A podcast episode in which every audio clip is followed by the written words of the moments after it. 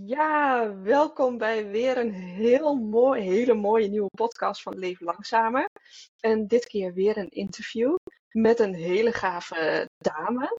En in dit geval is dat Ashley Timmermans. En Ashley die heeft samen met haar man en haar twee kinderen hun leven helemaal vrij ingericht.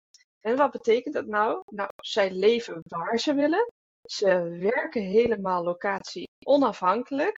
En de kinderen krijgen homeschooling nou, daar waar ze zijn. En dat kan in een huis zijn, of dat kan in een camper zijn, dat kan in Nederland zijn. Nou, hoe zij dat allemaal doen, dat gaan we nu verder bespreken. Ashley, welkom in de podcast. Ik vind het echt hartstikke leuk dat je er bent, want ja, wij wonen eigenlijk hier zo in Spanje. Hebben we twee maanden heel dicht bij elkaar gewoond. Maar stel jezelf eerst maar eens even voor. Ja, leuk. Dankjewel voor je leuke introductie. En ook super tof dat ik hier mag zijn en dat ik mijn verhaal hier mag delen. Ik heb heel veel zin in dit gesprek. Ehm, ik ben dus Ashley, Ashley Timmermans. En ehm, ja, wij, wij leven eigenlijk al acht jaar lang semi-nomadisch, zeg ik altijd maar. Uh, want, want in die acht jaar zijn er twee kids geboren. En um, hoe romantisch ik daar ook over dacht, dat dat allemaal onderweg allemaal ging, uh, ging dat, dat wat minder. Nou ja, en dan hebben we ook de flexibiliteit weer om in Nederland te zijn. Um, en in die acht jaar heb ik ook mijn business zodanig helemaal ingericht dat ik dus overal kan werken uh, waar ik maar wil. Uh, om er echt voor te zorgen dat mijn business mijn leefstijl dient in plaats van andersom. En dat mm -hmm. is ook waar ik andere mensen weer mee help. Um, ja, en, en ik heb dus twee kids, uh, twee jongetjes, Xavier en Kainoa van twee en bijna vijf jaar. Dus het -huh. homeschooling begint pas net. Het is nog niet uh, um, heel, heel spannend, zeg maar. Maar nee. ja, we gaan toevallig nu, nu in Nederland zijn, dus ook echt het, het, het, hele traject inzetten. Want je moet natuurlijk je recht op artikel 5b doen. Um, -huh. Dus, dus ja, we zitten daar middenin. Wauw. Nou, dat is al echt super uh, hoe je eigenlijk dat in acht jaar tijd dan hebt gedaan. En denken misschien heel veel mensen van, nou, uh, jij hebt dat heel mooi al vroeg gedaan voordat je kinderen kreeg. Maar ik heb nu kinderen en dat kan misschien niet. Nou, daar kan ja. je straks misschien nog wel dingetjes over vertellen. Ja. Maar waar ik wel benieuwd naar ben, hoe is dat bij jullie zo ontstaan? Ja, dat is een leuke vraag. Um, nou, ik, ik was vroeger helemaal niet reislustig. Dat is eigenlijk best wel grappig. Ik ben opgegroeid in een uh, klein dorpje. Wij verhuisden wel altijd heel veel. Want mijn moeder die vond het leuk om huizen op te knappen en dan weer te verkopen. Um, ja. En zo, zo hopten we dan elke paar jaar weer naar een nieuw huis. Maar het was altijd in de Bollenstreek. En ik had ook een hele goede band met mijn oma. Dus als mijn moeder, die wel heel reislustig uh, is en was, um, dan tegen mij zei van, nou, zullen we naar Den Haag verhuizen? Of zo? Nee hoor. En ik heb ook ooit een keer gezegd tegen mijn moeder, ik doe mij maar gewoon huisje, boompje, beestje. Ik wilde moeder worden. Ik wilde mijn oma kunnen zien. En meer lekker steady, niks. Ik zou echt niet gaan reizen. Mm -hmm. um, en dat heb ik heel lang volgehouden. Totdat. Um, uh, nou, mijn vader is vrij jong overleden toen ik zes was. Dus ik ben met mijn moeder opgegroeid. Ja. En uh, wij reisden toen, toen ik uh, acht of negen was. Dus toen mijn vader overleden was. Heeft mijn moeder voor het eerst een camper gekocht. Dat was haar grote droom. Echt een truck met, uh, met, met zo'n. ja, hoe noem je dat? Zo'n zo'n oplegbak. Wat dan de camper was. Dus Jee.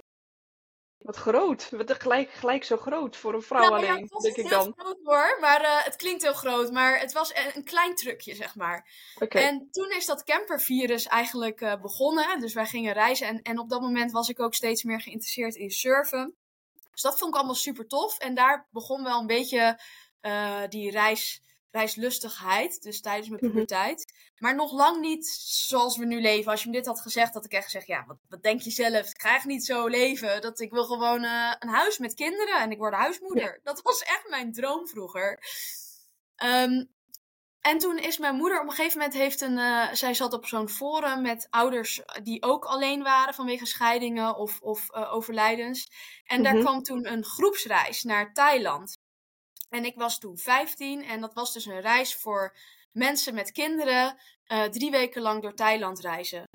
Mhm. En ja, in mijn hoofd, ja, weet je, leuk. Ik had daar verder, was daar niet verder echt mee bezig, voor zover ik me herinner.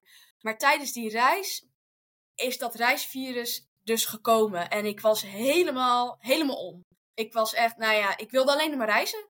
Ik vond Oh, het echt geweldig. De, de dieren, de, de, de, de- we gingen door de jungle. En ik, waar ik dacht, weet je, dat is dan toch als je met je moeder uit, weet je, gingen we wel wandelen. Maar dat waren dan in mijn ogen als puber hele saaie wandelingen met Ja. de camper, weet je. En, en dit door de jungle waar je apen zag en, en, en dieren. En ik was, nee, ik was helemaal aan. En toen Mhm. ben ik dat jaar daarna, toen was ik los. En toen was ik dus 16. Toen ben ik in mijn eentje vrijwilligerswerk gaan doen in Nicaragua. Ehm, Wow. Daarna eh, ben ik gaan sparen voor een reis door Australië. Dus toen ik 18 was, ben ik eh, gaan backpacken twee maanden door Australië. Ehm, en, en ja, van daaruit. Toen is eigenlijk ook de wens ontstaan om dus deze leefstijl voor te zetten. Mhm. Ehm, maar ja, hoe? En daar begon Ja. eigenlijk ook al wel mijn zoektocht van hoe ga je dit nu sustainable volhouden? Want er moet wel cashflow komen en uiteindelijk wil je ook kinderen. Ehm, dus ja, zo begon het een beetje eigenlijk.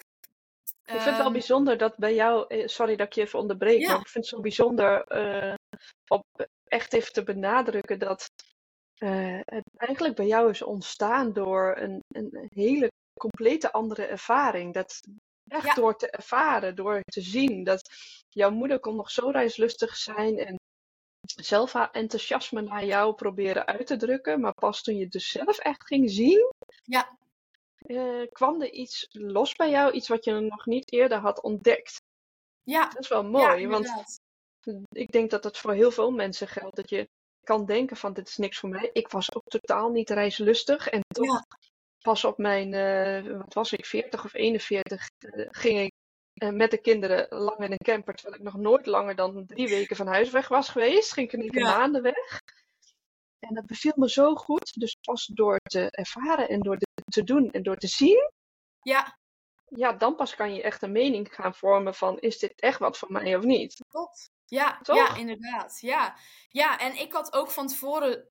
Kijk, ik was natuurlijk puber, dus ik was nog wel echt heel jong. Maar ehm, ik had nooit verwacht dat, dat ik zo reislustig zou worden. Dat had ik echt nooit Nee. gedacht. Dat, eh Nee, dat Jouw moeder zal wel een gat in de lucht gesprongen hebben, of niet? Ja, die vond dat wel leuk, ja. Ja, al, al wel, ik toen dus wel op een leeftijd was dat ik natuurlijk ook... ehm, nou, nou, wat eigenlijk wel heel erg bleek, was dat onze reisinteresses wel uit elkaar lagen. Dus, Mm. en dat is nog steeds, weet je, wij... Ja, ik, ik, ik ben, ik, wij, ik surf en eigenlijk ga ik dus ook altijd naar bestemmingen aan zee. En mijn moeder had dan altijd wel zoiets van, ja... eh, ik wil ook dorpjes zien. En ik wil ook. eh, Oh ja. eh, en ik had dan echt van ja, eh, boeit me niet. Ik wil gewoon surfen. Of ik wil naar Verland en dan wil ik eh, dieren zien. Ja, Maar ik heb nog heel veel mooie reizen met mijn moeder gemaakt. Ja, en nog steeds reist ze regelmatig een stuk met ons mee. eh, met haar eigen camper. eh, en dan wij wauw. met de kids. Ja. wat Ja. te gek zeg. En heb je nog eh, broers of zussen? Nee, ik, neem, en, ik ben Nee? enigskind. Ja. Ah, Oké. Hey, maar je vertelde net al van, nou, toen eh, is eigenlijk het zaadje wel geplant van, ik wil eigenlijk wel zo verder kunnen leven. Maar ja, dan eh, word je ouder, je krijgt meer verantwoordelijkheden, je moet misschien een eigen huis gaan betrekken, eh, je krijgt eh, interesse in, in, in, in vriendjes. Hoe gaat dat dan allemaal? Ja, dat, ik, ik heb wel altijd een soort van. Ik sta altijd heel open, ik ben heel nieuwsgierig. Dus, de dus ik sta eigenlijk altijd open voor kansen en nieuwe ervaringen.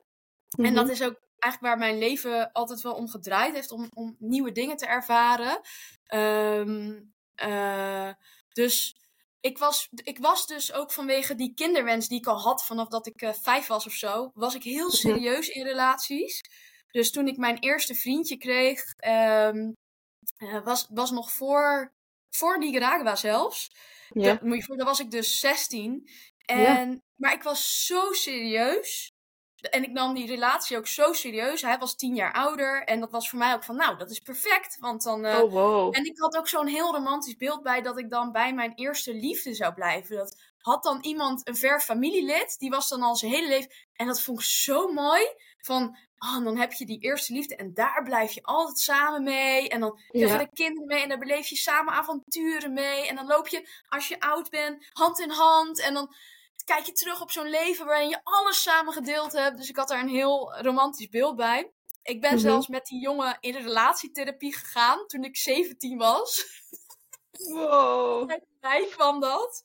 Eh, want Ja. ik wilde gewoon niet opgeven. Ik, ben, ik was heel Nee. erg eh, ja, gewoon heel erg. ehm, ik wilde gewoon dat, dat, dat het. Ik wilde niet zo snel zeggen: hé, hey, dit werkt niet. Want ik dacht, hè, Nee. iedereen gaat scheiden tegenwoordig. Ehm, Ja. Dat komt omdat mensen niet hun best doen voor de relaties, willen niks opgeven. En ik wil dat wel. Dus ik, Ja. ik wil dit werkend krijgen. Nou ja, dat gebeurde allemaal niet. En, ehm, eh, maar goed ook, want anders had ik nooit mijn huidige man leren kennen natuurlijk. Mhm. Ehm, dus, dus dat ging eigenlijk wel heel vloeiend. Hij, wel- hij had ook altijd, eh, die, dat eerste vriendje had ook altijd g- gereisd. Daardoor dacht ik ook dat we Mhm. een match waren. Maar Ja. die bleek dus tijdens die laatste reis die hij gemaakt had, hij, heel erg heimwee te hebben naar zijn ouders. En die wilde nooit meer reizen. Die wilde gewoon nooit meer weg. Dus, dus dat klikte ook helemaal niet meer eigenlijk. Dat, dus het Nee. was ook goed dat dat eh, overging. Ehm, nee, ik was dus heel serieus. Ik was eigenlijk altijd heel serieus. Ik ben nooit een puber geweest die heel erg van, van drank of iets hield of, of dat soort dingen. Nee. Ehm, dus dus ik, had, ik had wel altijd het idee dat ik mijn pad kon uitstippelen. Nou ja, daar kwam ik op een gegeven moment dus wel achter dat dat niet, niet zo ging. Ehm, maar wat ik wel wist is van, hé, hey, ik wil dus een man die ook van surfen houdt en van reizen. ja. zodat we deze leefstijl voort kunnen zetten. Ehm, en dat huis wat, waar je het over had van, hey, ik had dat beeld ook, want ik ben uiteindelijk psychologie gaan studeren. Mhm. En het mooie van die studie was, ik leerde heel makkelijk. En ik had heel veel vrije tijd naast dat ik die studie deed. Dus ik ging daarnaast ook allerlei andere dingen doen. En toen begon ik eigenlijk ook al met ondernemen. Dus Mhm. dat begon naast de studie. En toen ben ik, eh, heb ik een crepkraam gehad. Ik heb eh, schoenenpartijen opgekocht en, en verkocht via Marktplaats. Ehm, ik heb echt van alles gedaan. Mhm. Ehm, maar, maar wel telkens met het idee van, oh ja, ondernemen gaat me die vrijheid geven. Want voor een baas werken wist ik eigenlijk al snel, ja, ik denk niet dat ik dat kan. Nee. Ehm, en toen begon dus ook eigenlijk mijn zoektocht van, hey, oké, ondernemen, maar ondernemen staat niet direct aan vrijheid. En, en dat is dus een hele lange zoektocht geweest, die langzaamaan steeds meer leidde naar compleet locatie onafhankelijk. Mhm. Ehm, dat begon bij compleet offline en, en gewoon op die manier ondernemen is telkens steeds een stapje verder gegroeid naar, oh, nee, toch niet helemaal. En nou ja, weer iets nieuws, eh, weer net een beetje fine-tunen. Ehm, en zo is het ook gekomen bij ja, de huidige business, hoe ik hem nu draai. Wauw. En kon je je daarin al die tijd een beetje bedruipen? Of was het alle, alle touwtjes aan elkaar eh, vastknopen? Hoe bedoel je dat? Eh, Financieel.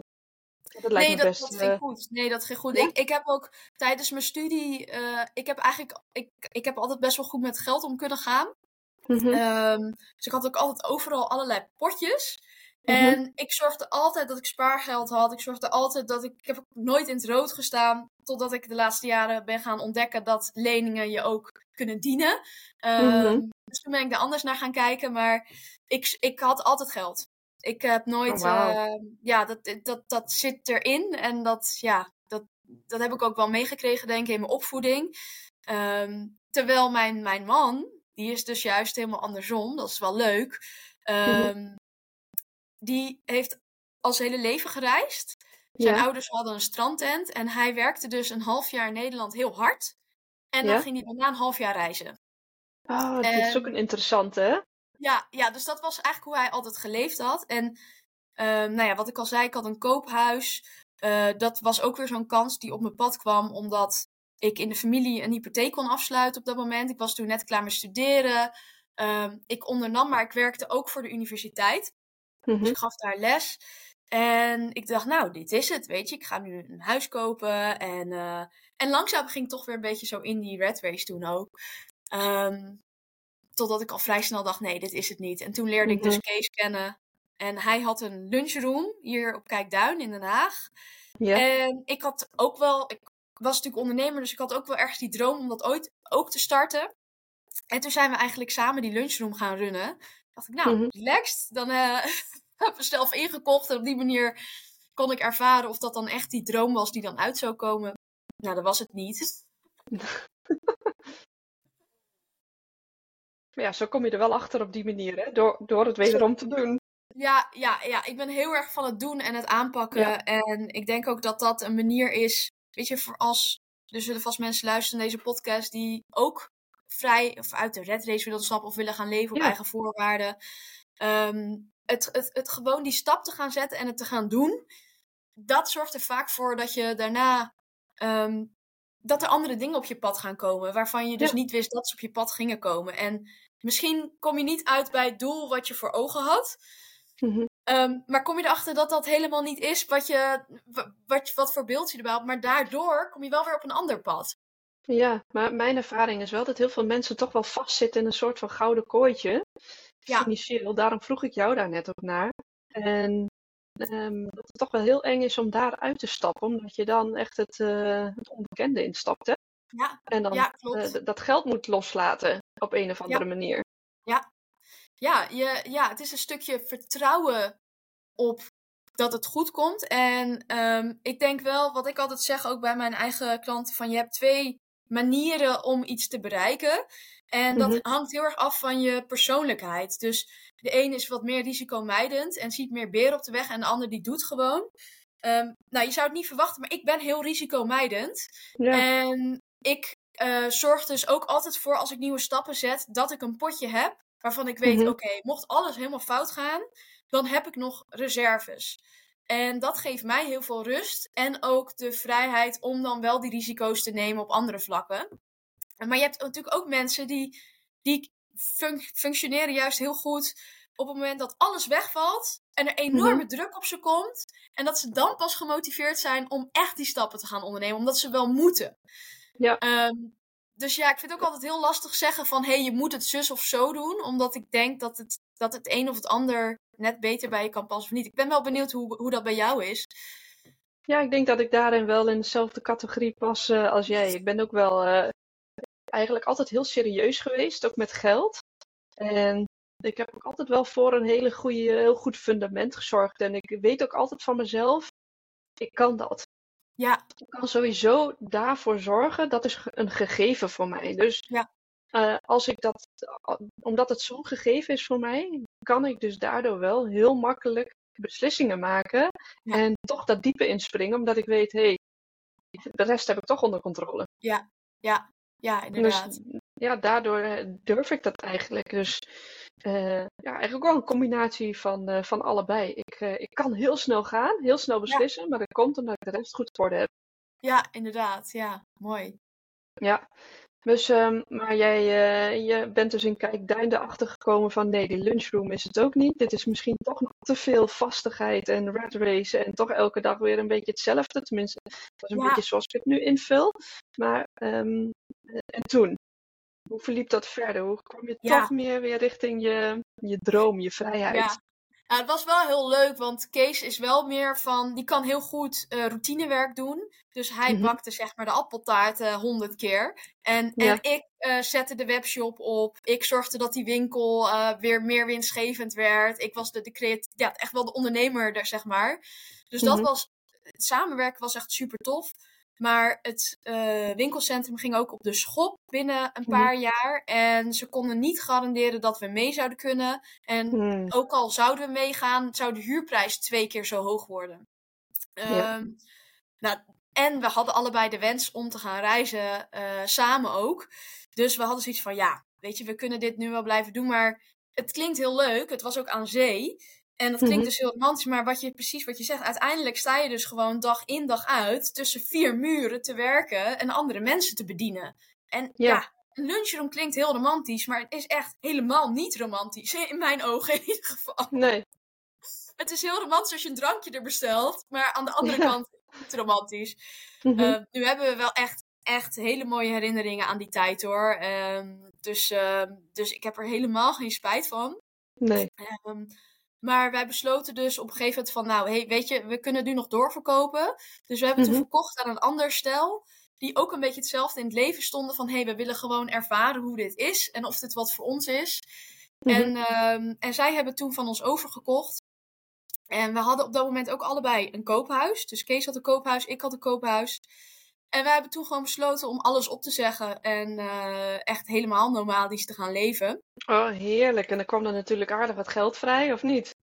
Eh, ja, dat was. eh, nou, dat is dus wel een tijd geleden hoor. Dus achteraf gezien hadden we het beter aan kunnen houden. Maar er zat al wel wat overwaarde op, inderdaad. Wat ons de vrijheid gaf om dus zonder werk te gaan reizen en van elkaar te Mhm. gaan genieten. Want we waren toen pas een jaar bij elkaar. Dus het was ook Mhm. nog heel erg in die beginfase van de relatie. Ja. Ehm, dus we hebben toen eh, dat thee, het was eigenlijk een theehuis, een, een, een eh, theespeciaalzaak en lunchroom, hebben we verkocht. En toen hebben we een camper gekocht. Dus even te denken. Ja, en toen zijn we eerst door Europa gaan reizen. Dus we Mhm. hebben toen eerst, eh, eh, even kijken, is dat Noord? Ja, Noord-Europa gedaan. Dus eh, Zweden, Noorwegen, Duitsland. Scandinavië. Ja, Scandinavië inderdaad. En Mhm. toen zijn we, eh, hebben we weer het rondje surf gedaan. Noem ik het maar even. Dus Frankrijk, Spanje, Portugal. Ja. En, en ik merk wel, als ik alleen maar reis, dan word ik heel onrustig. Ik moet een project hebben. Dat vind ik gewoon heel fijn, om met iets bezig te zijn. Dus ik vond het best wel lastig. En we merkten van, ja, dat alleen Wat reizen, is, voor dat jou, wat is voor jou een project? Wat is voor Ja, jou...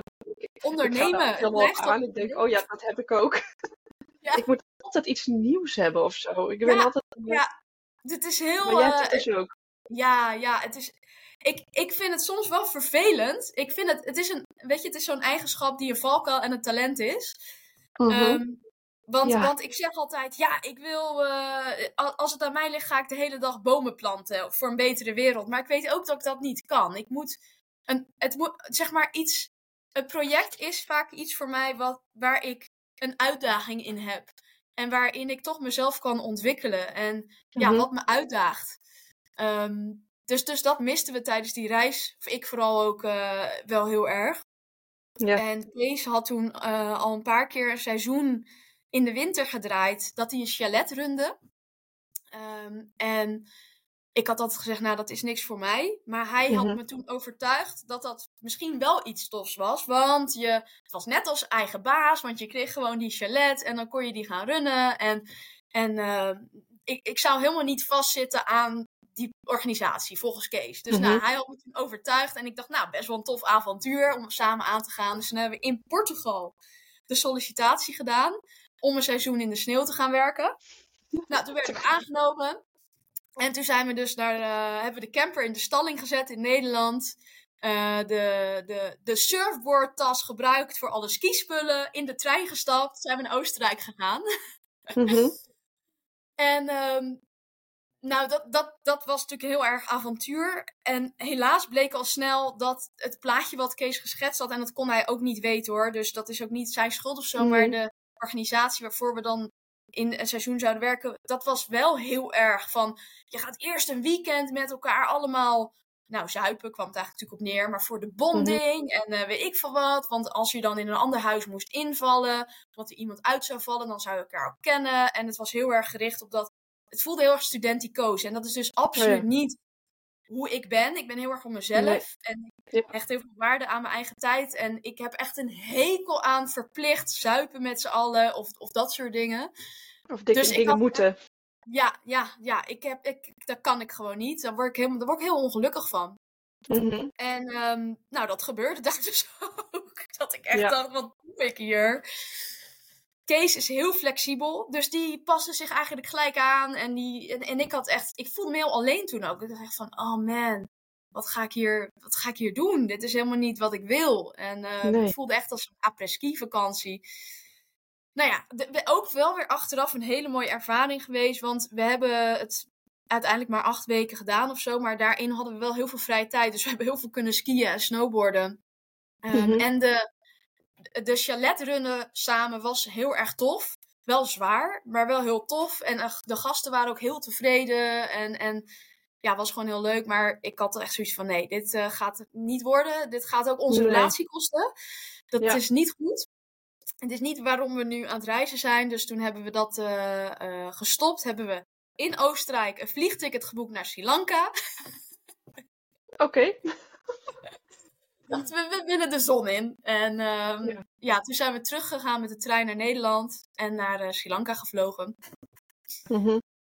En daar begon eigenlijk onze wereldreis. En eh, toen al vrij snel, na twee weken, hadden we een theeboer bezocht. Want we Mhm. hadden een theezaak gehad. En het, Dat trok. als- ja, ja, en als ik onderneem, dan wil ik ook ehm, bewust en eerlijk ondernemen. En bij Mhm. de theezaak die we hadden, wist ik de oorsprong van de thee niet. En dat vond ik echt Mm. verschrikkelijk.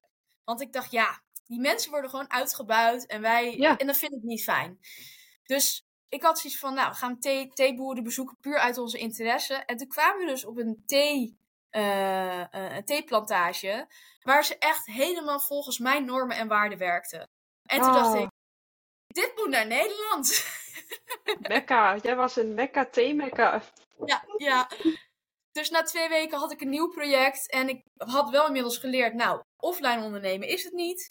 Dus we gaan een online theewinkel beginnen. En dan bezoeken wij alle theeboeren eh, en checken we of ze werken volgens onze normen en waarden. En dan Mhm. gaan we die thee in Nederland promoten en, en verkopen. Nou, en dat hebben we gedaan. En dat eh, eh, ben ik dus na twee weken wereldreis, was dat ons project. En toen zijn we ook echt die reis eigenlijk wel gaan vormen daarnaar. Mhm. Ehm, dus ja, dat, en, maar eh, ja, een beetje de verhaallijn is dan dus ook nu zoals je hoort van hey, we, we zetten steeds dat stapje verder naar hey, hoe gaan we dit nou sustainable voortzetten om op deze manier te kunnen blijven leven. Zolang we dat Ja. willen. Ja, en aan de andere kant denk ik een stapje verder. Eh, misschien ben je er ook al wel. Eh, alleen ontdek je gewoon iedere keer weer eh, nieuwe paadjes. Dat je denkt, oh, hey, dit is ook nog gewoon leuk. Maar Ja. eh, dat je gewoon mag blijven ontdekken. Ja, Dat je, ja dat- dat ook. Ja. ja, al waren we op dat moment nog wel heel erg op zoek naar hey, hoe gaan we dit. Weet je, je wil niet blijven leven van je spaargeld. Dus je wilt op- Nee. op zo'n moment wel. ehm, als je wilt blijven reizen, zul je wel een, een cashflow moeten hebben die daar ook bij past. Ja. Want ehm, ik ben heel erg into investeren. En, en om meer te kunnen investeren is het handig om meer cashflow te hebben. Dus dat was wel een heel duidelijk doel ook met eh, Traveling Tea, zoals dat bedrijf toen heette, om dat Mhm. te gaan opzetten. Ja, ja. En uiteindelijk eh, zijn jullie dus na de wereldreis eh, toch weer teruggegaan naar jullie camper in, in Portugal? Of stond hij daar? Nee, nee, nee, de camper was in, in Nederland. Die stond gewoon in de Mhm. stalling. Eh, maar toen wij terugkwamen van de wereldreis was ik zwanger. Van de eerste. Ah. Dus, eh, Mhm. En op dat moment hadden we dan een half jaar echt een rondje om de wereld gereisd. En Mhm. was het, thee, het online theebedrijf ook op een niveau dat we dachten, nou we moeten nu eh, wel even naar Nederland. En dat komt goed uit met de zwangerschap. Ehm, dus toen hebben we hier in Nederland een huurhuis gezocht Mhm. om de, de, de zwangerschap door te komen en Tea verder uit te werken. Want we kregen natuurlijk allemaal thee binnen. Ehm, want het idee was dat we dan de logistiek uit handen zouden geven en zelf het online gedeelte zouden doen. Maar in de Ja. eerste instantie moet je dat natuurlijk allemaal gaan opzetten. Ja. Eh, dus daar namen we toen de tijd voor. En heel eerlijk, de manier waarop wij toen reisden, Mhm. eh, is ook heel vermoeiend. Want wij reisden echt snel en, en dan krijg je natuurlijk heel veel indrukken. Dus we waren na een half jaar ook wel echt klaar. Dat we zoiets hadden, Ja. oké, nu willen we eigenlijk wel weer even terug gewoon. Ja, ja, soms lijkt reizen ook wel een, echt een, eh, ook een heel romantisch verhaal. Hè? Maar Ja. het heeft natuurlijk, eh, zoals alles, heeft zijn voordeel en zijn nadeel. En wij vonden het best wel zwaar om te, iedere keer te kijken van waar gaan we nu weer naartoe. Ja. En dat Ja. klinkt dan heel erg, eh, nou ja, verwend. Want je mag zelf gaan kiezen waar je naartoe gaat. Maar eh, ja, wij waren ook met z'n vijven. Dus we wilden ook iedereen daarin eh, een beetje tegemoetkomen in de wensen. En eh, ja, waar gaan we nu weer naartoe? Yes. voldoet dat aan al onze wensen? En als het dan Ja. dicht was of het voldeed niet, dan was het toch wel weer een domper, waardoor je toch wel weer Ja. door moest. Je bent heel erg toegewezen op jezelf. En niks, is, niks is een constante factor. Nee, nee, en dat is heel vermoeiend. En ik kan me helemaal voorstellen in jouw situatie, in een gezin van vijf, dat dat nog Mhm. veel vermoeiender is en veel meer Ja. energie kost. Omdat je continu in overleg moet. Klopt. Ja, en dan is die ontevreden. En dan is juist Ja. die weer ontevreden. Dat wil niet zeggen dat het constant ontevredenheid was, maar eh, vooral vanuit ons, omdat we al kinderen hadden ook in de puberteit. eh, en het meer vanuit ons een hardgedragen wens was dan vanuit Ja. hen. Wil je ook nog eens een keertje wat meer tegemoetkomen aan hen? Ja. En ben je daar heel erg zelf in, in het laveren, iedere keer tussen die. Ah, dat was best wel vermoeiend. ja, Ja, extra vermoeiend. ja, ja. Ja, het is, reizen is heel mooi. Maar ik denk dat de afwisseling, reizen. eh, nou ja, wat wij nu dan doen is langere tijd op één plek. En Mhm. dat, dat is echt een wereld van verschil. Dat is gewoon, eh, dat vinden wij gewoon heel fijn. En waar we nu naartoe aan het werken zijn, is om gewoon een aantal plekken te hebben over de wereld waar we tussen uh, hoppen. Uh, Maar wat eigenlijk allemaal plekken zijn waar we ons thuis voelen en waar je toch op een bepaalde manier iets op kan bouwen. En hoe is dat idee uh, zo gekomen? Is dat echt door de kindjes gekomen en doordat jullie al de ervaring hebben van hoe het reizen is? Um, hoe is dat ja. tot stand gekomen? Ja, ik denk het wel, want wij, wij toen wij echt alles opzegden in Nederland, mm -hmm. toen opzegden, opzijden. Nou ja, ja uh, dat toen, ik ook al eh, denken. Wat is het eigenlijk? Maar maakt niet uit. Mag allebei. Ja, um, toen hadden wij eigenlijk het idee om echt te emigreren. Dus we hadden Noord-Spanje. Dat was eigenlijk van, nou, we gaan waarschijnlijk naar Noord-Spanje emigreren. Omdat je daar zo goed kan surfen, denk ik. Ja, ja dus ja. we hadden daar wel af. Uh, we, we hadden allebei uh, een stuk van de Camino gelopen. Ik was al een aantal keer in Noord-Spanje met de camper met mijn moeder geweest. En we ja. waren samen ook uh, twee, twee weken, een paar dagen op vakantie geweest in, het, in een klein dorpje daar. En we dachten, mm -hmm. nou, dat is het. Dit is, dat is onze droomplek. Maar, ja. um, dus, dus wij begonnen eigenlijk echt met reizen en helemaal los van Nederland om te zoeken naar een nieuwe plek waar we dan naartoe zouden emigreren. Uh, maar wat dan wel golven had en groener is en meer in de natuur dan in Nederland. Wilde ook heel graag een permacultuurtuin. Mm -hmm. Zelfvoorzienend leven. Nou ja, het hele plaatje zoals heel veel mensen dat ook uh, hebben. Um, maar op elke plek waar we kwamen, voelden we hem niet om te gaan settelen. Want het hele emigreren en settelen, uh, mm -hmm. nou ja, dat zal je ook ervaren, brengt hele andere gevoelens en keuzes met zich mee dan dat je denkt, oh, ik ben hier voor een paar maanden en daarna ja, ga ik weer weg. Ja. Dat, dus dus je, het wordt veel groter. Ja. En wij konden die keus niet maken. Wij voelden nergens dat we echt dachten, dit is het. Misschien ook wel omdat we gewoon dat hele reis lustig hebben. Um, mm -hmm. en, en, en inderdaad, gaandeweg is dus eigenlijk ontstaan van misschien kunnen wij niet settelen. Weet je, misschien moeten we stoppen met zoeken naar iets wat er gevoelsmatig gewoon niet is. En, en, en afwachten of het op ons pad gaat komen. Ja, misschien hoeven we niet te settelen, maar is dat toch wel weer een overtuiging die we mee hebben gekregen vanuit ja, de cultuur ja. die we. Ja. Ja. ja, klopt. En dat is dus ook wel, want toen hadden we ook nog geen kinderen. En ik denk ook dat het wel heel erg voorkomt van ja, we, weet je, als je, je wilt iets opbouwen, dus je moet wel gaan settelen ergens. En um, nou ja, gaandeweg is dat dus ook dat hele. Wij wisten helemaal niet over homeschooling en dat soort dingen. Dat, dat, daar kwamen we pas gaandeweg achter dat het dan een optie was. En dat opende eigenlijk ook vooral ook voor Kees de deur van. Oh, nou dan is kinderen krijgen misschien niet zo erg, want het betekent niet dat we vastzitten. Nee. Nee. wat, hij, wat hij in eerste instantie wel dacht, dan moeten we ons ja. settelen ergens. Maar dat ja. is ook wel interessant, hè? Dat je uh, door al die stapjes die jullie hebben doorgemaakt, en dat merk ik ook heel erg bij mezelf, dat je steeds dichterbij komt bij, oké, okay, wat wil ik? In plaats ja. van, uh, wat is van mij? Welk gevoel is echt van mij? En welk gevoel is een overtuiging vanuit mijn opvoeding, vanuit de cultuur ja. of wat dan ook? Soms weet je het niet eens precies, hè? Dan kom je daar nee. dan pas achter. Ja, ja, en nog steeds denk ik ook, uh, toevallig is dit iets wat me de laatste tijd ook heel erg bezighoudt.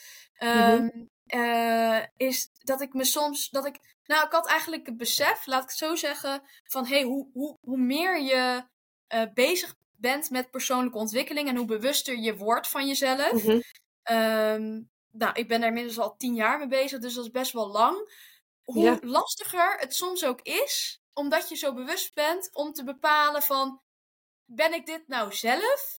Of is dit een overtuiging? Is dit een angst waar ik doorheen moet? Of is dit wel. Weet, dat is soms Klopt. heel lastig om te bepalen. Ja.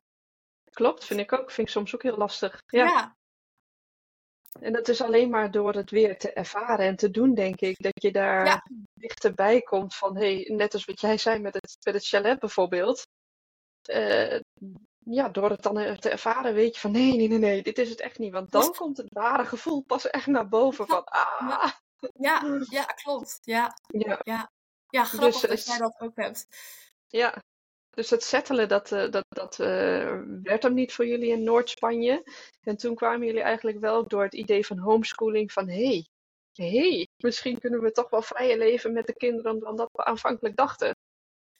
Ja, ja, nou eigenlijk was dat dus al voordat uh, we de keuze maakten om. Ja, ik wilde altijd al kinderen. Hè? Dat was uh, voor Kees natuurlijk ook duidelijk. Dat, uh, ja. nou, als ik met haar een relatie heb, dan komen de kinderen. Ja. Dat, daar kon hij niet omheen. Ehm, Mhm. Ik had niet verwacht overigens dat het zo snel zou gaan. Achteraf had ik waarschijnlijk één huis aangehouden en dat gaan verhuren. Omdat hij op Ja. de reis eh, voor mij vrij onverwacht zei: Nou, ik ben er klaar voor. Ik dacht, huh, nu al? Ja, dus voor mij was dat helemaal prima. Want voor mij was, ja, was het gewoon een hele grote wens. Dus die in vervulling kwam. Ehm, eh, maar wij wisten op dat moment al wel dat, dus van oké, we gaan de kids niet inschrijven op een school. Want dan is, die keu is het veel lastiger om dit pad te belopen. Eh, Ja. Dus dat maakt het voor ons natuurlijk wel makkelijker om op deze manier verder te leven. Ja, want hoe, Eh, hoe doe je je had het net al even tussen neus en lippen over vrijstelling, artikel 5b of zo. Dat is volgens Ja. mij dat je dan op kan geven dat je kinderen niet passen op welke school dan ook in de klopt. omgeving, toch? Ja, ja. gezegd. Ja, klopt. Dus, ehm, dus eh, in Nederland is een beetje een rare wetgeving. Ze zijn er ook mee bezig. Maar in Mhm. principe, en dat komt nog voort uit vroeger, uit dat er eh, de, de, de godsdienstelijke stromingen waren. En die hebben op een Ja. gegeven moment dus een wet ingediend van hé, hey, eh, er komen nu allemaal openbare scholen, maar wij willen streng gelovig opvoeden. Dat kan niet op die scholen. Dus wij willen een wet die ervoor zorgt dat we toegestaan worden om op deze manier aan onze kinderen zelf les te geven. Nou, die wet is Mhm. er dus gekomen, want het was toen natuurlijk allemaal nog heel gelovig Ja. in die tijd. Ehm, en die wet is er nog steeds. En daar, op het moment dat je kind nog niet in het schoolsysteem zit, kun je dus, heb je dus recht op die wet. En dien, dien je dus een, een verzoek in, of van hé, hey, ik wil gebruik maken van deze wet, van deze Mhm. regelgeving. En precies wat jij zegt, ehm, je geeft daarbij dus aan, hé, hey, deze, eh, geen enkele school die past bij de manier waarop wij willen lesgeven. Ja. Ehm, en, en in principe ehm, ja, kunnen ze dat niet afkeuren, omdat Mhm. het dus een, een wet is waar je recht op Ja. hebt. Mhm. Het enige is dat ze dus wel nu de laatste tijd wat strenger zijn in het toezicht. Dus soms word je ook op gesprek ge- geroepen Ja, ehm, om te kijken eh, van hé, hey, ja, om toch nog dat stukje controle te hebben. Ehm, Mhm. Weet je, en ik denk ook dat dat niet erg is, want er wordt natuurlijk soms ook misbruik van gemaakt. En dat Ja. is absoluut niet hoe, hoe je het wil voor kinderen. Ehm, Dus dat is, dat is wat we nu gaan indienen. Dat doe je dus vanaf vijf jaar zijn ze natuurlijk in Nederland leerplichtig. Mhm. Dus eh, nee, je doet dat dan eh, een maand van tevoren voordat hij vijf wordt. En dat is nu. Dus wij gaan dat indienen. En dan, Mhm. nou ja, dan, dan, dan verwachten we dat we dan een brief terugkrijgen. Of misschien dat we op gesprek geroepen worden. Of dat ze zeggen van hé, hey, prima. En dan, Ja. als het goed is, is het elk jaar opnieuw dien je dat in. En beroep je dus op die wet. En dan is dat prima. En in de toekomst ziet het er naar uit dat ze waarschijnlijk eh, twee of drie testmomenten gaan toevoegen. Mhm. Zo is het in België ook. Dus dat er Ja. wel enige controle is op de voortgang en op de basale kennis van, eh, die het kind heeft. Oh ja, ja.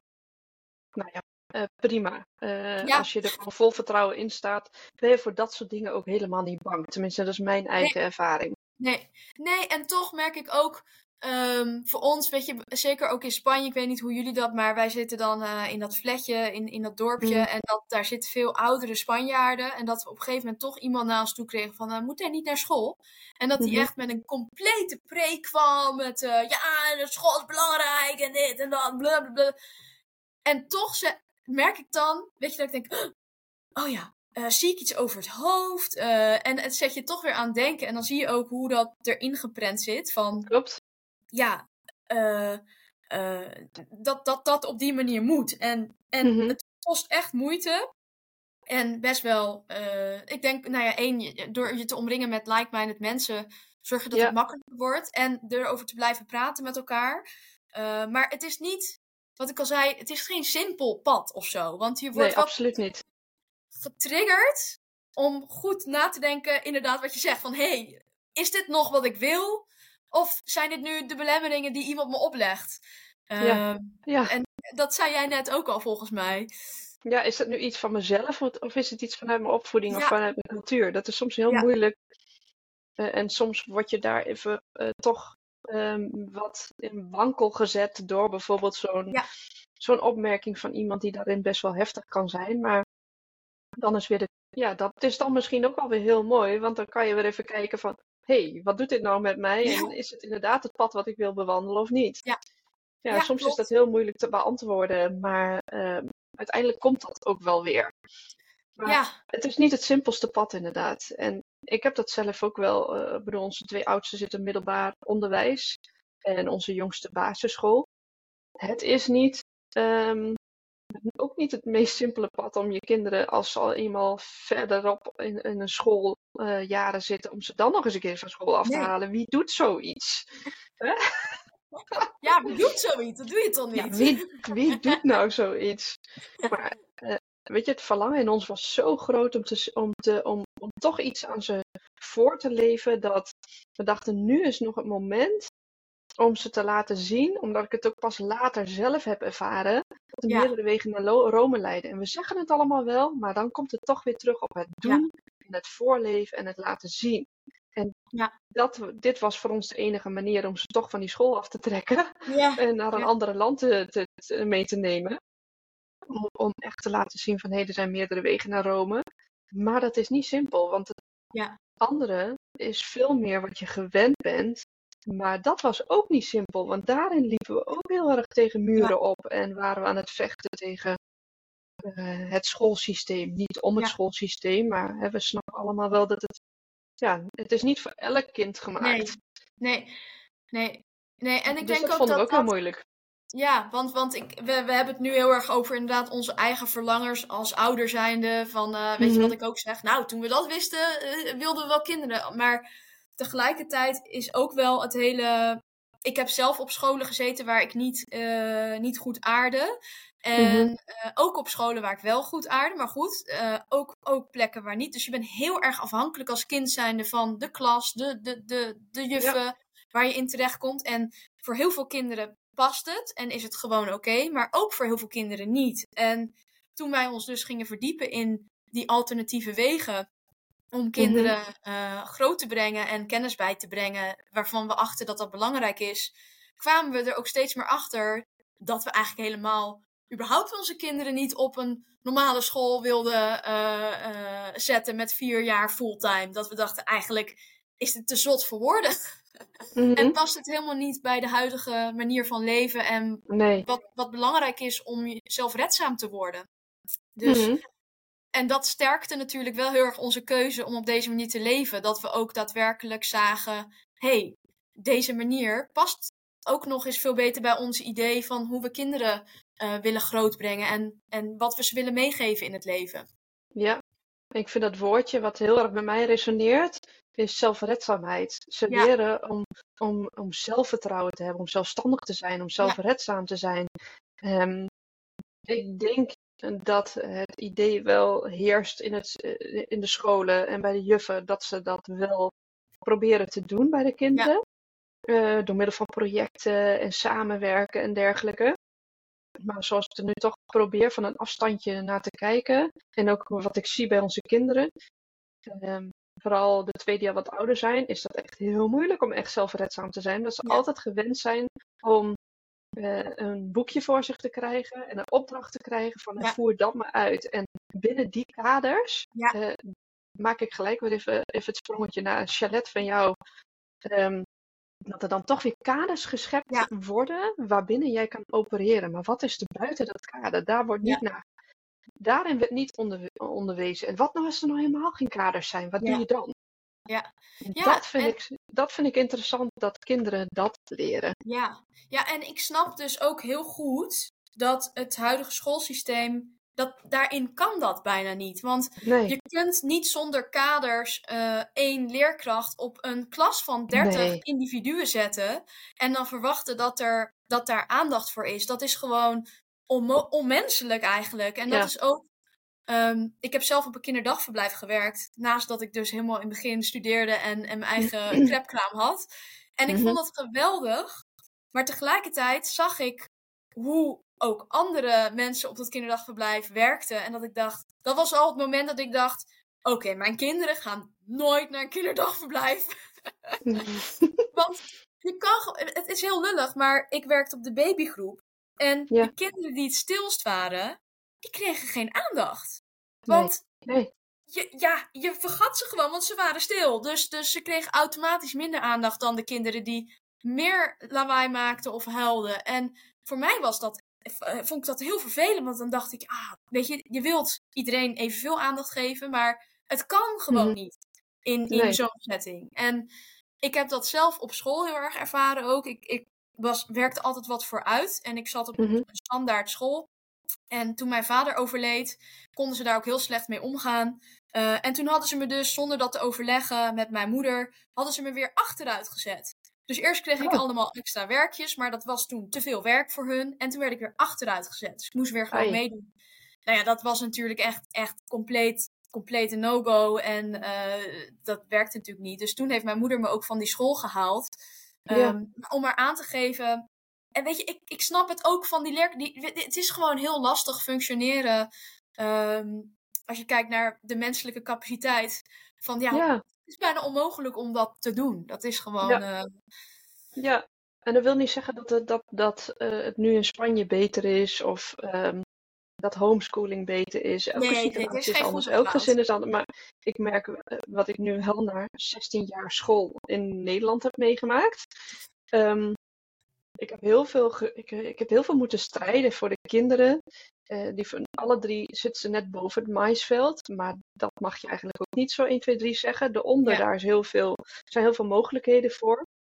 Maar daarboven zijn toch minder mogelijkheden voor. Alhoewel dat wel wordt gepretendeerd vaak in Nederland. Maar ehm, als je dan uitvalt omdat je eigenlijk een soort van bore-out hebt. Ja, dat, dat, dat is eigenlijk niet iets. nee, Dat is niks. Dat bestaat niet. nee, nee. Ehm, te, ja, dus dat, daar vond ik altijd wel heel lastig om mee om te gaan. En ehm, ik merk wel dat het nu daarom wel heel moeilijk is om de aanknop te vinden ook bij onze kinderen. Ja, ja, ja, ja. En wat, denk je dan nu- dat daar de, de oorzaak van is? Ja, dat ze toch eigenlijk altijd wel mee moesten lopen met, eh, met het gemiddelde. Ja, En eh, niet dat extra werk konden doen. En als het extra werk werd, dan werd het toch wel vaak weer als een strafhaas gezien. ja, want dan moesten ja, ze extra werk doen. ja, eh, Terwijl eh, het zou mooi zijn als ze ander werk mochten doen. ja, ja, In plaats van per se eh, extra werk. ja, Dus ik denk dat er nooit echt gekeken is naar waar zit hun interesse, waar zitten Ja. hun kwaliteiten, hun talenten, Ja. ehm, hun zelfredzaamheid. Om Ja. die knopjes aan te wakkeren in plaats Ja. van eh, hier is je werk en heb je het af. Oh, dan gaan we wel compacten en verrijken en dan krijg je er nog wat extra's bij. Ja. ja. En dat ik, is niet de oplossing. Nee, nee. En wat wel heel mooi is om dan inderdaad, wat je zegt, is geen goed of fout. Want ik heb dus eerst Nee. op een klassieke school gezeten en daarna op een Jena-planschool. Oh ja, En, en daar kreeg ik heel veel vrijheid. En dat paste heel goed bij mij. Daar ging ik heel goed op. Ehm, Daar zitten natuurlijk de drie klassen bij elkaar. Dus eh 6, 7, 8 zit bij elkaar. 3, 4, 5 Ja. en groep 1 en 2. En ik denk ook hierin dat er dus weer heel veel verschil zit tussen directie en dingen. Een Jena-planschool is niet hetzelfde als alle andere Jena-planscholen. Maar Mhm. ik kreeg dus aan het begin van de week een lesplan. Dat mocht ik doen wanneer ik wilde. En in die vrije tijd, die ik daar. Dus nou, sommige kinderen hielden vrije tijd over, sommige niet. Ik maakte al mijn taken op maandag en dinsdag. En dan had ik de rest van de week, om, mocht ik doen wat ik wilde. Eh, dat is best wel, achteraf gezien, best wel vrij eigenlijk al. heel en ik vrij. dus dan ook altijd, dan mocht je dus ook, want mijn interesse lag dus heel erg bij kinderen en, en kleine Mhm. kinderen. Dus wat ik dan deed, was dat ik ehm, bij de peuters, peuters, de groep 1 en 2, ging ik dan Mhm. vragen of ik een dagje mocht meelopen. En dan mocht ik dus, zo eens in de zoveel tijd, omdat ik dan al mijn werk af had, nou, en dan mocht ik dus een ochtend meehelpen bij de peuters. En dat was Mhm. dan wel echt volledig volgens mijn interesses, omdat het enige wat ze verwachten, zo heb ik het in ieder geval onthouden, hè, is Ja. dus dat die takenlijst af was. En daarna was je eigenlijk vrij om iets uit te kiezen wat daar dan ook maar beschikbaar was. Te gek. Ja. Dus om niet gelijk inderdaad te zeggen van hé, hey, school is fout of goed. Ik denk nee, zeker helemaal niet. Nee, ik denk dat er hele mooie opties zijn ook. Ehm, maar ze zijn wel schaars en je bent heel erg afhankelijk van de omgeving. En Waar je woont. Ja. ja, ja, Dus eh, nee, dat ben ik het helemaal met je eens. Eh, eh, het is niet per se zo dat elke school allemaal hetzelfde is. En ik denk dat er heel veel geprobeerd wordt om toch binnen het huidige systeem ook wel mogelijkheden te creëren. Dus dat vind ik Ja. ook heel erg mooi. En alle nieuwe scholen die er ontstaan vind ik ook prachtig. ja, En uiteindelijk is het aan ons als ouders, denk ik, om eh, die verantwoordelijkheid te nemen van, nou, wat willen wij van onze kinderen en wat past bij onze kinderen. En wat het dan ook is, dat is goed. Ja, ja, zeker. Ja. En dat is soms dus lastig loslaten vanwege wat de omgeving verwacht, inderdaad. Ehm, Ja. En eh, om een voorbeeld te geven, wij, eh, ons oudste zoontje is, die, die heeft wat moeite met mensen vertrouwen. Dus, Mhm. dus mijn jongste, die kan je zo ergens droppen. En nu hebben we straks, als wij straks klaar zijn met interview, ga ik voor het eerst in een half jaar ga ik met mijn man uit eten. Gaan we lunchen samen. Ehm, Ja. Dat is dan weer handig in Nederland. Daar hebben we Mhm. mensen die eh, oma's en zo. Maar hij gaat voor het eerst naar zijn tante toe. En dat vindt hij dus heel spannend om Ja. zonder ons daarheen te gaan. En ehm, ook, ook met kindjes en zo. Hij is iemand die heeft tijd nodig om iemand te leren vertrouwen. Maar als je Mhm. eenmaal binnen bent, dan staan die deuren ook Mhm. wijd open en is alles goed. Maar Ja. dat bij hem gewoon tien keer zoveel tijd als bij anderen. Nou, als hij nu naar school had gegaan, dan, ha- dan had dat waarschijnlijk een probleem geweest. Want Ja. hij is heel verlegen en, en mogelijk had dat hem. Weet je, als ouder zijn denkt daar dan over na. Van ja, ik wil zijn ritme daarin volgen. Want Mooi. het is niet dat hij eh, iets heeft, weet je. Want Nee. als hij nu naar school had gemoeten en het had nog niet gegaan, dan wordt er gelijk een probleem van gemaakt. Klopt, dan moet hij, hij moet in, dat is precies eigenlijk wat ik net eh, vertelde. Je moet toch een beetje in dat gemiddelde plaatje Ja, ja, gepropt worden. inderdaad. Ja, ja, Anders Ja, heb je een probleem. ja. Ja. dat is dus ook mede waarom ik dan weer zo dankbaar ben van nee, wij, wij volgen het ritme van het kind. En wij, ehm, wij- wij- weet je, hij spreekt vloeiend Engels. En, Mhm. en, en dat gaat weer supergoed. En sociaal is die niet. Weet je, het betekent niet dat, omdat dat nu nog niet gaat. eh, wat, wat we dan dus vaak terugkrijgen is. Ja, maar hij gaat ook niet naar school, hè? Weet je wel? Of hij, Ja. hij heeft ook alleen maar jullie om zich heen. Dan denk ik, nee, dat is het niet. Dit is gewoon karakter. Want we hebben nog een kind en die is compleet anders. Ja, maar dat is de tweede. Nee, dat hoeft helemaal niet. het is gewoon zoals het is. En, en we hoeven Mhm. niet een oorzaak te zoeken. En we volgen daarin gewoon het Precies. Het Ehm, hoeft en we helemaal geen vertrouwen. oorzaak te, te hebben. Nee. Soms zijn dingen gewoon zoals ze zijn. Hè? Ja. En mag je ze gewoon op die manier accepteren. En Ja, ik vind het wel heel mooi ehm, hoe jullie daar samen wel heel sterk in zijn om, eh, wat je zegt, het ritme van, van jullie kinderen te volgen. Zonder dat jullie volgens mij je eigen ritme daarin benadelen. Ja, nou ja, ik moet wel zeggen, dat is we ook met thuisscholing. Want heel veel mensen zeggen van ja, ik kan dat niet hoor. En dat snap ik ook heel goed, want eh 24-7 met je kids zijn is gewoon intens. En, Dat is heel eh, intens. Ja, ja, dat zal jij ook Ja. ervaren. Bijna Ja. vierkante meters helemaal. Ja, Ja. dat is, zeker intens. Ja, en, en, en het vereist dus ook echt wel flexibiliteit van je als ouder zijnde. eh ja, om daar een weg in te vinden, ook samen. Heel veel communiceren met elkaar. En ook Mhm. telkens inchecken bij elkaar van... hey, is dit nog wat we willen? Ja. Weet je, wij, ehm, wij hebben ook dit jaar besloten van... nou, of besloten van waarschijnlijk ergens als Xavi ook schoolleeftijd heeft... dan Ja. komt, gaan we wel zoeken naar een alternatief schooltje... eh, op een plek waar wij ook graag willen zijn. Ehm, ook omdat ik dus zie dat, dat de oudste... eh, niet zo makkelijk vriendjes maakt. En, Mhm. maar wel het leuk vindt. Dus ik kan me voorstellen dat het voor hem beter is om op een gegeven moment ergens te zijn waar hij een, een langdurige relatie met kindjes kan opbouwen. Eh, Mhm. Omdat hij gewoon niet zo makkelijk switcht. En ik herken dat heel erg, want ik ben hetzelfde. Ehm, Ja. dus, dus daarin zijn we ook heel flexibel. En, en blijven we echt kijken van, hé, hey, wat past bij ons? En om daar nog één voorbeeld in te geven, wat heel eh, eh, recentelijk is gebeurd, is dat Mhm. ik eigenlijk altijd de kostwinnaar was afgelopen jaar. En Mhm. dat ik daar heel erg trots over was. En weet je, want eh geëmancipeerd en mijn man zorgt voor de kinderen. En Mhm. terwijl ik degene ben die altijd heel graag kinderen wilde. En ook merk dat door de kostwinnaar te zijn en dat niet evenredig te verdelen, je ook een ander balans krijgt tussen elkaar. En ik merkte heel erg de laatste maanden dat ik daar erg mee struggelde, maar ik kon me- mijn vinger er niet op leggen. Mhm. Maar ik heb dus gemerkt dat, dat het eigenlijk niet is wat ik wil. En dat ik eigenlijk meer, meer tijd met de kinderen wil. eh, en ook weet dat er vanaf de andere kant ook eh, geld binnenkomt. En dat hoeft helemaal niet veel Mhm. te zijn, maar gewoon het idee dat we daarin evenredig zijn. En op een andere Ja. manier eh, het over financiën hebben. Zonder dat dat allemaal op mijn schouders rust. Ook al is nou, het misschien ook, een stukje, misschien ook een stukje, eh, niet alleen balans, maar ook eh, risicospreiding. Ja, dat ook. Want alles zit Ja. op mijn business. En wij zijn, we hebben natuurlijk ook veel investeringen hoor. Want we hebben ook een vakantiehuisje. En we zijn heel erg druk met passief inkomen genereren. Mhm. Ehm, maar toch voelde ik van, hé, hey, nee, dit, dit is niet, dit voelde heel goed de afgelopen Mhm. anderhalf jaar, maar nu niet meer. En, en dan dus inderdaad ervoor openstaan om dat weer te veranderen. En dus Mhm. weer terug te gaan naar dat hogere doel van, hé, hey, we willen leven op eigen voorwaarden. Ehm, wat past nou precies bij ons en, en klopt dit nog? En toch wel regelmatig bij elkaar inchecken van, hé, hey, is dit Ja. nog hoe we dat willen? En dat Ja. werkt voor ons heel goed en zorgt er ook voor dat we continu leven op onze eigen voorwaarden, maar telkens wel weer op een andere manier.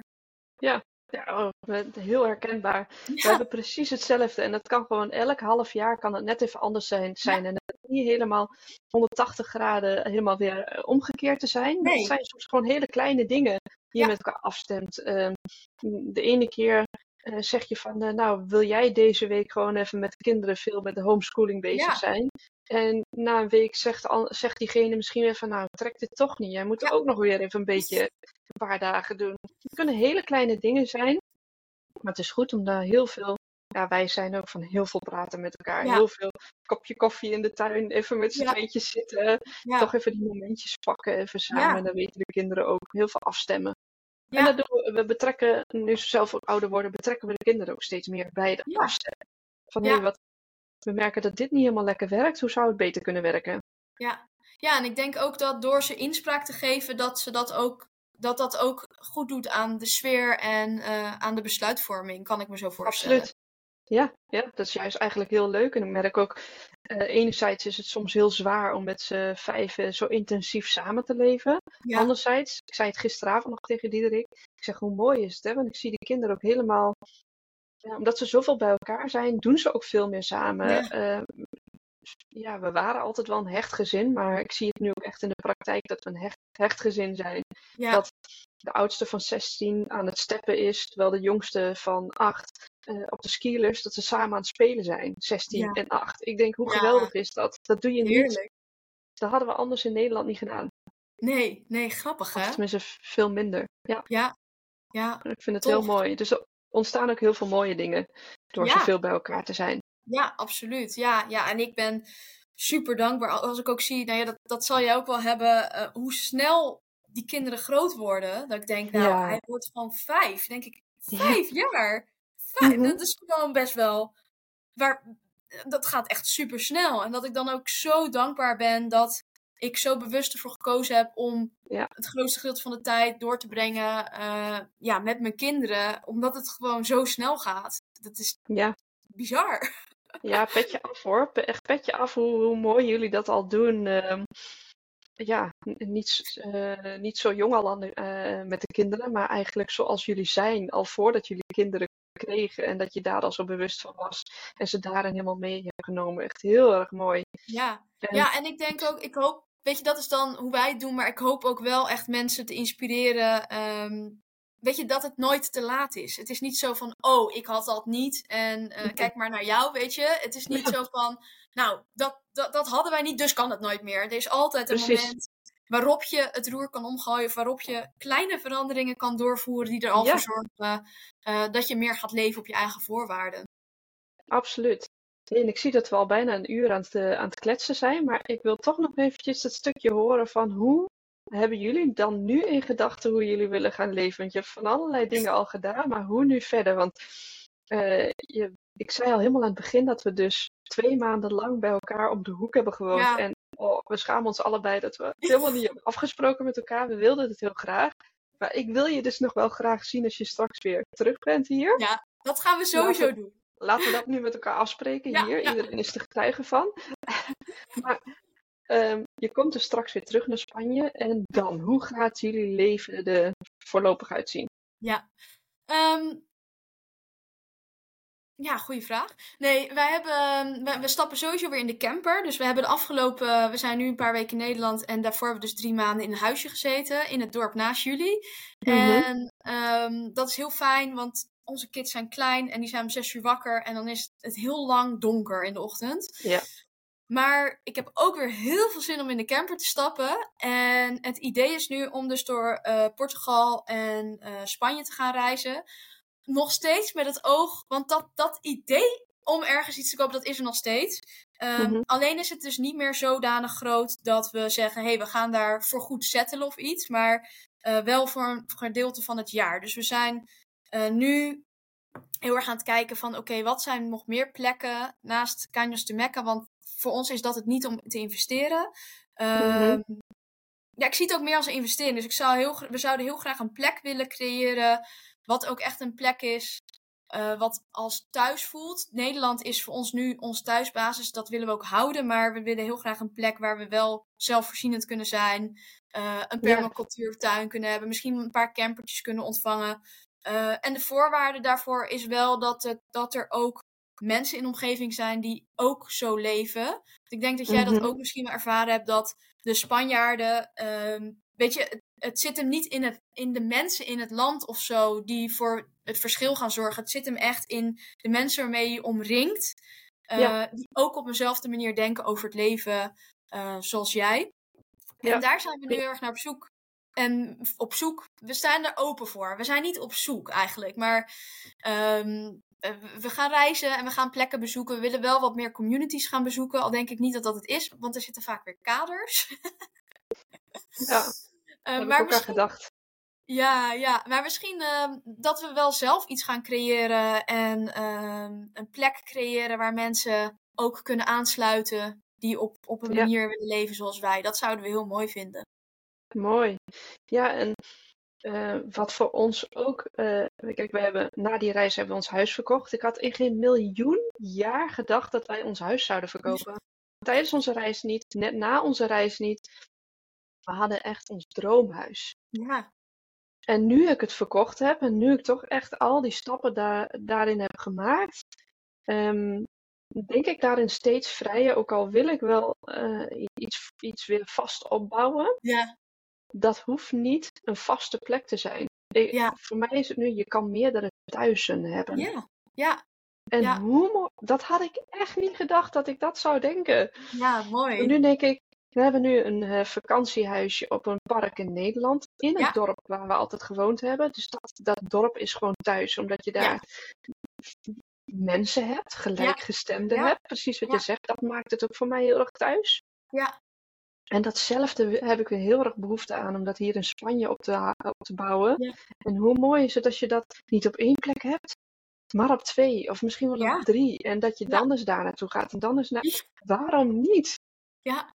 ja, en dat is precies wat wij eigenlijk nu uh, een beetje aan het creëren zijn. Um, weet je, we doen het al met de camper. Um, mm-hmm. Maar ik, ik heb wel ergens heel erg de behoefte. En dat is gewoon het, weer dat idealistische plaatje wat ik ook had met dat theebedrijf. En ik wil gewoon heel graag iets achterlaten. Um, mm-hmm. Voor de kinderen, maar ook voor mezelf. Uh, dat, dat de wereld een stukje mooier gemaakt heeft. Yeah. En, en ik denk dat voor mijn gevoel dat nog het enige is. Nou ja, niet, niet wat mist, maar wat ik heel mooi zou vinden om neer te zetten. Dus heel suf, maar ik heb het zelfs met mijn man over gehad van misschien moeten we gewoon echt een kaal stuk land kopen. En dat Ja. daar gewoon een bos op maken. En dan lijkt het me zo kicken dat als die kinderen daar dan over twintig jaar komen, dat daar echt een mega bos staat met notenbomen en weet ik veel wat. En dat dat dan gegroeid is samen met dat die kinderen gegroeid zijn. Dat, dat lijkt me Ja. zo'n mooi idee. Dus dat staat Oh, heel ja. erg hoog op de bucketlist. Ja, nou, ik kreeg gisteren een artikel doorgestuurd. Die ga ik jou ook doorsturen van ook mensen die reizen. En zij Ja. stuurde een artikel door uit de Gelderlanden dat er een stel is van volgens mij eh 44 en 47 jaar. Die hebben een compleet dorp in Spanje Ja. opgekocht. Van de overwaarde van hun huis. Ze hadden 350.000 euro. Ja. Dan konden ze dat complete dorp van kopen. Ze gaan Ja. een voedselbos daar creëren. Ze gaan het helemaal weer opnieuw opbouwen. En hopen dat er allemaal mensen op afkomen Ja, ik die heb ook dat gelijkgestemd zijn. Ja? Ja, en ik ben Ja. gelijk op zoek gegaan naar dorpen. Weet je dat? Want ik dacht Ja, gelijk, echt waar? wat is het? Ik wil ook zo'n Ja. dorp. Ja, echt mind-blowing, hè? Dat je Ja. denkt van, oh ja, ik kan ook voor dat geld gewoon heel veel investeren in een land. Heb ik ook gedacht van, ik wil ook heel graag iets hier in Spanje ook met de Spanjaarden gaan doen. Als Ja, we iets ja, gaan doen, moet het met de lokale mensen ook zijn. Ja, Ja. En niet alleen voor omdat ik graag daar zo graag wil wonen en goed wil leven. Nee, laten we dat dan gaan delen met elkaar. Ja, ja, ja, en dat maakt het denk ik ook heel mooi. Dat dat, ja, dat, dat, dat allemaal mogelijk is als je eenmaal uh, door die blokkades of barrières heen bent. Dan is de sky the limit. Weet je, dan ben je Ja. naar dorp aan het kijken van 20 hectare. Ja, Waar er vijf ruïnes op staan, denk je, oh, maar dat kan ik ook wel. ja. Heerlijk, Ja, Ja. tof. heerlijk. Dus eh, ja, de wereld ligt aan je voeten en ehm, ja, doe en, en, en zie en voel hoe Ja. dat voor jou is, toch? Ja, dat is het. Dat is het echt. En, en dat, dat is ook iets wat ik de afgelopen jaren ehm, steeds meer. Ik deed het altijd al, maar ik ben het ook steeds bewuster gaan inzien van echt bijna alles is mogelijk. En Ja. het is gewoon echt zo. Alleen ehm, je moet er open voor staan. Mhm. En, en je moet bereid zijn om te falen, maar Ja. door te gaan. En dat is Mhm. denk ik de grote mindset shift die ik ook gedurende mijn leven gemaakt heb. Van fouten Mhm. maken is gewoon noodzakelijk om verder te komen. En dat krijgen we natuurlijk helemaal niet mee als we jong Mhm. zijn. Want Nee. fouten maken is rood en een laag cijfer. Rood, ja. Ja. ja, en dat is iets wat ik mezelf nu echt heel erg eigen gemaakt heb en ook mijn kinderen dus meegeef. En ik zei vanochtend tegen mijn man, en mijn oudste is nu vijf, ik denk, hé, hey, volgens mij begint het nu te landen. En, en, want het zit blijkbaar ook wel ergens in ons systeem al, vanaf jongs af aan. Maar het Mhm. begint te landen bij me ook van wat ik heel erg meegeef aan mijn kinderen en ook aan mijn klanten, maar eh, ook aan mezelf. Van ehm, je kan alles bereiken, maar je moet oefenen. En Ja. door te oefenen kom je er. En als iemand tegen mij zegt, of, of mijn zoontje, ik kan het niet, zeg ik nee, maar dat komt omdat je nog niet genoeg geoefend hebt. En als je gaat oefenen, dan kan je dat straks ook. En dat is nu heel grappig om terug te zien, na vijf jaar eh primen, laat ik het zo maar noemen. Ehm, Dat hij vanochtend met mij yoga aan het doen is en dat hij zegt, kijk mam, ik kan hem al. Ik heb heel veel geoefend en nu kan ik het. En dan, en dan maakt Ja. mijn hart echt een sprongetje, want dan denk ik, zo kom jij er, weet je? Dit is zelfredzaamheid. Als jij weet dat je zelf de touwtjes in handen kan pakken om de dingen te bereiken die je wil bereiken, ja, dan, dan ben je er, naar mijn idee. Ja, ja, dus we moeten gewoon stickers en krulletjes gaan uitdelen als kinderen fouten maken en Ja. leren. Ja, Hè? Ja. Hier, jij Klopt. krijgt van mij een sticker. Je bent weer Ja. verder. ja, ja, Ja, je hebt weer Inderdaad. geoefend. Heel goed Ja. van je. ja. En dat is niet makkelijk. Maar Nee. dat is wel wat, wat, ehm, wat eh, ja, waarvan ik denk, ja, dat draagt echt bij aan red- zelfredzaamheid. En, en ook Ja. weer voor als volwassene, je kan dit gewoon nog steeds leren. Je kan leren jezelf toe te staan fouten te maken. Precies. Hey Ashley, zijn er op dit moment nog dingen waarvan je denkt, hé, hey, dat moet ik echt nog eventjes meegeven aan degene die luistert? Of dat zijn we vergeten? Nee, ik denk dat wat ik net zei, dat dat wel echt is waar ik, ehm, wat ik mensen mee wil geven. Dat als je ook maar ergens voelt dat je bepaalde dromen hebt, Mhm. ehm, of verlangens om je leven op een andere manier te gaan leven, ehm, dat, dat, dat dat kan. En dat, het Mhm. enige wat je jezelf eh, hoeft toe te staan is om fouten te maken en daarvan te leren. Maar Mhm. ten alle tijden, ook al hebben we in deze podcast eh, tien keer gezegd dat het niet simpel is, ten Nee. alle tijden is het wel veel bevredigender. En, Mooi. ehm, eh, en, en geeft het ook een heel erg gevoel dat je je leven leeft zoals je het wil leven. En het is een beetje cliché, maar op het moment dat, iemand, dat je morgen dood zou gaan of over een maand, wil je dat je terugkijkt op je leven en denkt: Weet je, ik heb het gedaan zoals ik het wilde. En niet, oh shit, maar ik wil nog dit doen, dat doen, dit doen. En had ik nou maar. Want dat geeft Mhm. gewoon een heel naar gevoel. En dan heb ik Exact. liever. Ja, en dat denk dat jij dat ook, weet je, je doet het. Je hebt het gedaan. En je zit er nu in Spanje. Je bent podcast Mhm. aan het opnemen. Eh, Ja. Je gaat een huis in Malaga kopen. En, en, en jullie doen het gewoon. En dat is prachtig om, om mee te geven. En om op terug te kijken. Ja. ja, dat je hart gewoon een sprongetje maakt. Dat je trots bent op jezelf. Dat je trots bent op de mensen om je heen. Dat je... Het geeft zoveel dankbaarheid. Eh, ja, ik, ik, had dit, ik had dit echt niet voor ogen gehad. Dat ik dit allemaal zou, eh, zou kunnen, zou kunnen Ja. voelen, zou doen. Ja, Ja, dat, dat maakt inderdaad dat je heel blij wordt. Ondanks soms eh, dat het niet, niet simpel is. Ja. Maar eh, het geeft een heel bevredigend gevoel. Ik vind dat Ja. heel mooi. Ja, absoluut. Dus, dus om, om, om ermee te eindigen, en wat ik mensen wil meegeven is, start met fouten maken. En dat is het enige wat je jezelf hoeft toe te staan. Ik ga vanaf nou. nu fouten maken. Nou, goed zo. Ik ook. Ja. dank je. Uh, wat een mooie podcasttitel bij deze. Ashley, ik bedank jou heel erg voor je tijd, voor je openhartigheid, voor je, voor je gezelligheid ook. En uh, de eerste volgende keer wordt dat uh, live dat we elkaar in de ogen kijken. Ja. dus heel veel zin in. heel veel geluk met alles wat jullie, wat jullie doen. Maar ik weet één ding zeker. Ehm, dat het heel gaaf allemaal gaat worden en vol fouten. Absoluut. En heel veel plezier. Dus um, ik zeg bij deze dankjewel. Ik zeg, uh, zeg bij deze tot ziens. En de luisteraar, heel erg bedankt voor het luisteren. Um, laat vooral weten wat je van deze podcast hebt gevonden, wat je ervan hebt opgestoken. Vergeet ook niet uh, me te gaan volgen en me ook nog een paar sterren te geven op te kopen toe. Dat zou ik heel erg fijn vinden. Ja, 555. hey, um, bedankt allemaal. Dankjewel Ashley en nog een hele fijne dag hè. Jij ook. Ja, dankjewel. Doei doeg.